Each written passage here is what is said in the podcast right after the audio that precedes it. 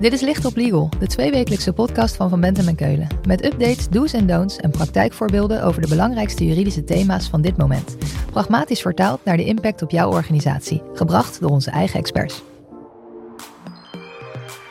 Maar op het moment dat je hè, die groene arbeidsvoorwaarden ergens voor in de plaats komt of iets bestaans wijzigt daardoor, ja, dan ligt het wel wat ingewikkelder.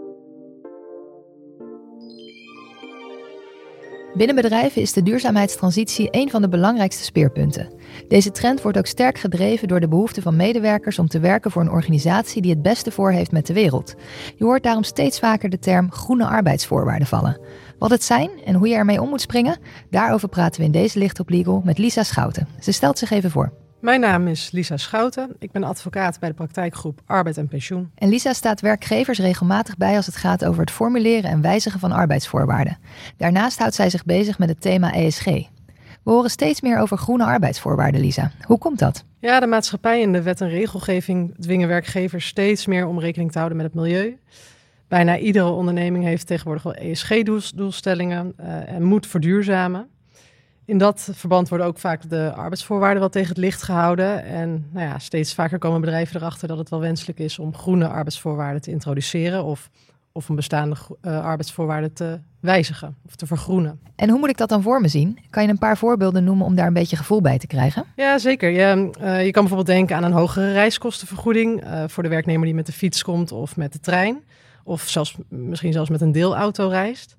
Um, een fietsleaseregeling is iets wat we vaak horen. Een hogere thuiswerkvergoeding om werknemers te stimuleren om uh, meer thuis te werken en dus minder te reizen. Dat ziet allemaal op mobiliteit. Je hebt natuurlijk ook nog andere voorbeelden. Denk bijvoorbeeld aan een uh, klimaatbudget of extra vakantiedagen of vakantiegeld als iemand met een duurzaam vervoersmiddel op vakantie gaat. Klimaatbudget, dat ken ik niet. Wat is dat? Nee, dat is een budget die de werkgever aan een werknemer geeft, die ze bijvoorbeeld kunnen gebruiken om het huis te verduurzamen. Dus bijvoorbeeld om je huis te isoleren. En bij die groene arbeidsvoorwaarden, zijn er nou dingen waar ik specifiek op zou moeten letten? Ja, een belangrijk iets is wel dat uh, uh, je altijd wel moet zorgen dat iedere werknemer ervan kan profiteren. Het zou natuurlijk niet zo moeten zijn dat de ene werknemer er meer van profiteert dan, uh, dan zijn collega en daarom dus een, ja, een gunstiger arbeidsvoorwaardenpakket heeft. En dat kan strijd opleveren met het recht op gelijke beloning van gelijkwaardig werk. Ehm, maar nog erger, het kan ook discriminatie veroorzaken. Dat is ernstig, dat willen we natuurlijk niet. Heb je voorbeelden van waar het mis kan gaan? Ja, stel je stimuleert een werknemer bijvoorbeeld om gebruik te maken van de fiets of het OV. Misschien dat niet iedere werknemer daar zomaar gebruik van kan maken. Denk bijvoorbeeld aan die gehandicapte werknemer. Uh, ja, weet je, die stapt niet zo makkelijk op de fiets of in de trein wellicht. En uh, dat kan dan discriminatie opleveren, want ja, je mag niet een onderscheid maken op grond van uh, handicap of chronische ziekte. Nog een ander voorbeeld.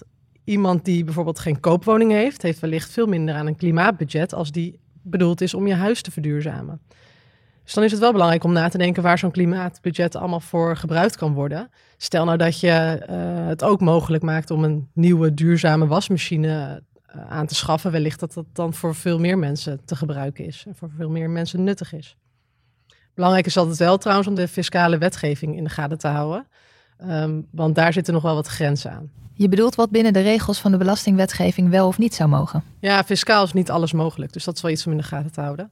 Um, maar daar zou je dan eigenlijk wel even een dubbelcheck moeten doen bij een fiscalist. En zijn er naast die fiscale wetgeving nog meer haken en ogen? Ja, voor organisaties die vallen onder een CAO is het bijvoorbeeld heel belangrijk um, om te checken of de CAO wel ruimte biedt voor nieuwe voorwaarden of ja, het wijzigen van, uh, van die arbeidsvoorwaarden. Um, hetzelfde geldt voor de wet. Je kan bijvoorbeeld wel afspreken of hè, zeggen dat mensen extra vakantiedagen krijgen als ze duurzaam op vakantie gaan. Um, maar dat moeten dan wel uh, vakantiedagen zijn die bovenop de wettelijk verplichte uh, 20 vakantiedagen komen. Omdat het eigenlijk een extraatje dan is. En als ik hier nu mee aan de slag wil, want je wilt toch een aantrekkelijke werkgever blijven, hoe introduceer ik dan dat soort groene arbeidsvoorwaarden? Ja, dat hangt er vanaf. Um, als je de groene arbeidsvoorwaarden ziet als een extraatje, dan kan je het gewoon introduceren, mits het dan dus hè, iedereen ervan uh, profiteert, er geen situatie van ongelijke behandeling uh, ontstaat en je de kaders van de CO en de wet uh, in acht neemt. Maar op het moment dat je hè, die groene arbeidsvoorwaarden ergens voor in de plaats komt of iets bestaat, bestaans wijzigt daardoor, dan, ja, dan ligt het wel wat ingewikkelder. Ja, want laten we inzoomen op dat in de plaats komen van bestaande arbeidsvoorwaarden. Ik hoor nog wel eens om me heen dat er een groen leaseplan komt. En daarbij mag de medewerker nog alleen een elektrische auto kiezen, die duurder is dan een benzineauto. Maar het leasebudget blijft hetzelfde. Dan krijg je dus minder dan je had. Ja, klopt. Dat is inderdaad zo'n voorbeeld. En dat zie ik in de praktijk ook vaak gebeuren. Uh, door die wijziging heeft die werknemer inderdaad minder keuze. Want leaseauto's zijn al eenmaal, of in ieder geval elektrische leaseauto's zijn al eenmaal uh, duurder dan die niet-elektrische auto. Um, de rechtspraak biedt dan wel aanknopingspunten om ervan uit te gaan dat het, het soort auto dat je kan kiezen, dat dat dus een arbeidsvoorwaarde is. En dat je dat als werkgever dus niet zomaar mag afnemen. In principe geldt bij arbeidsvoorwaarden dat je het alleen mag wijzigen als de werknemer daarmee akkoord is. Onder omstandigheden kan je het als werkgever wel eenzijdig doen, maar dan gelden er strikte voorwaarden. Um, nou ja, er zijn verschillende wijzigingstechnieken met ieder zijn eigen toetsingskader. Maar in de praktijk komt het erop neer dat je als werkgever wel een hele goede reden moet hebben. En willen verduurzamen kan een argument zijn.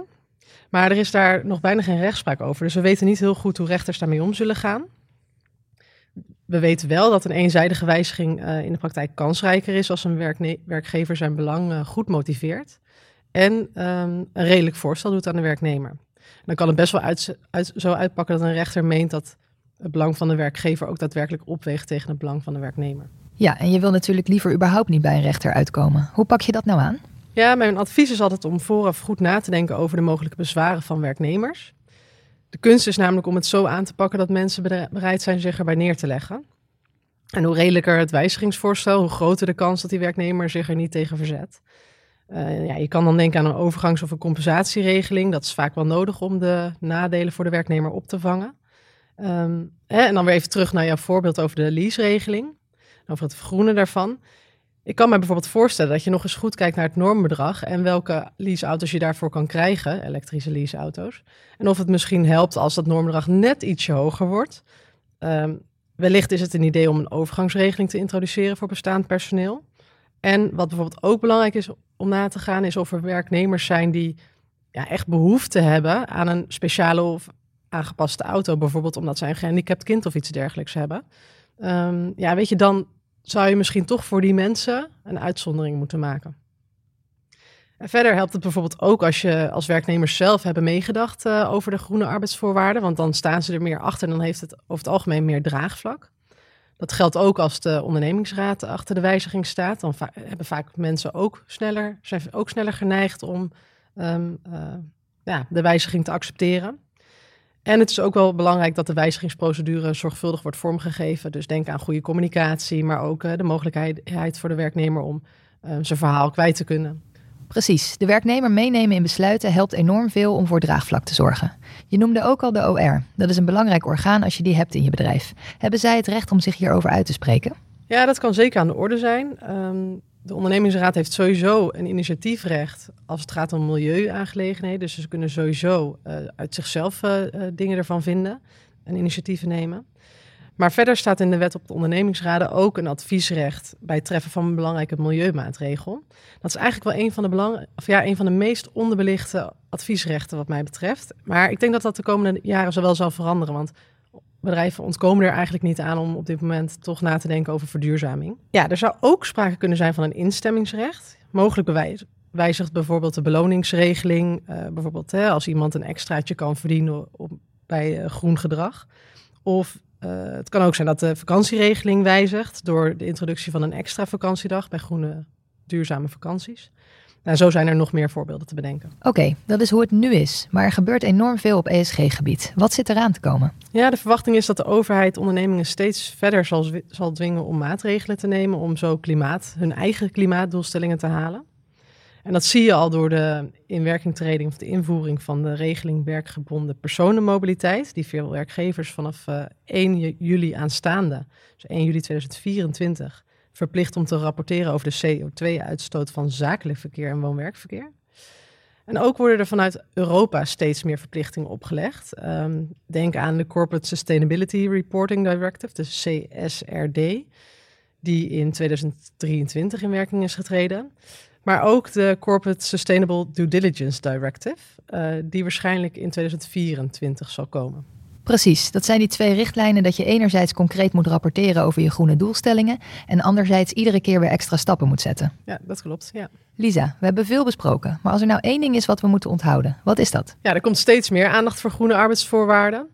Ehm, en ik verwacht dat die behoefte onder, de behoefte onder personeel en sollicitanten ook steeds eh, meer zal stijgen. Wat dat betreft denk ik dat het goed is om alvast na te denken over de mogelijkheden, hè, de wensen van jouw organisatie, maar ook over de begrenzingen zoals uh, uit de wet en de CAO volgen. Lisa, dankjewel. Als we meer willen weten, waar kunnen we dan terecht? Nou, op uh, www.vbk.nl hebben we een speciale ESG-themapagina. Daar kan je meer vinden over de wet en regelgeving die, eraan, uh, die er al is en die eraan zit te komen. En je kan mij altijd mailen via lisaschouten.vbk.nl. En mijn telefoonnummer vind je op de website. Dit was Licht op Legal, een podcast van Van Bentem en Keulen. Te beluisteren via Spotify, Apple Podcast of je eigen favoriete podcast-app. Wil je meer weten? Heb je suggesties voor een onderwerp? Of wil je dat onze experts hun licht laten schijnen op jouw juridisch vraagstuk? Laat het ons weten via vbk.nl slash lichtoplegal.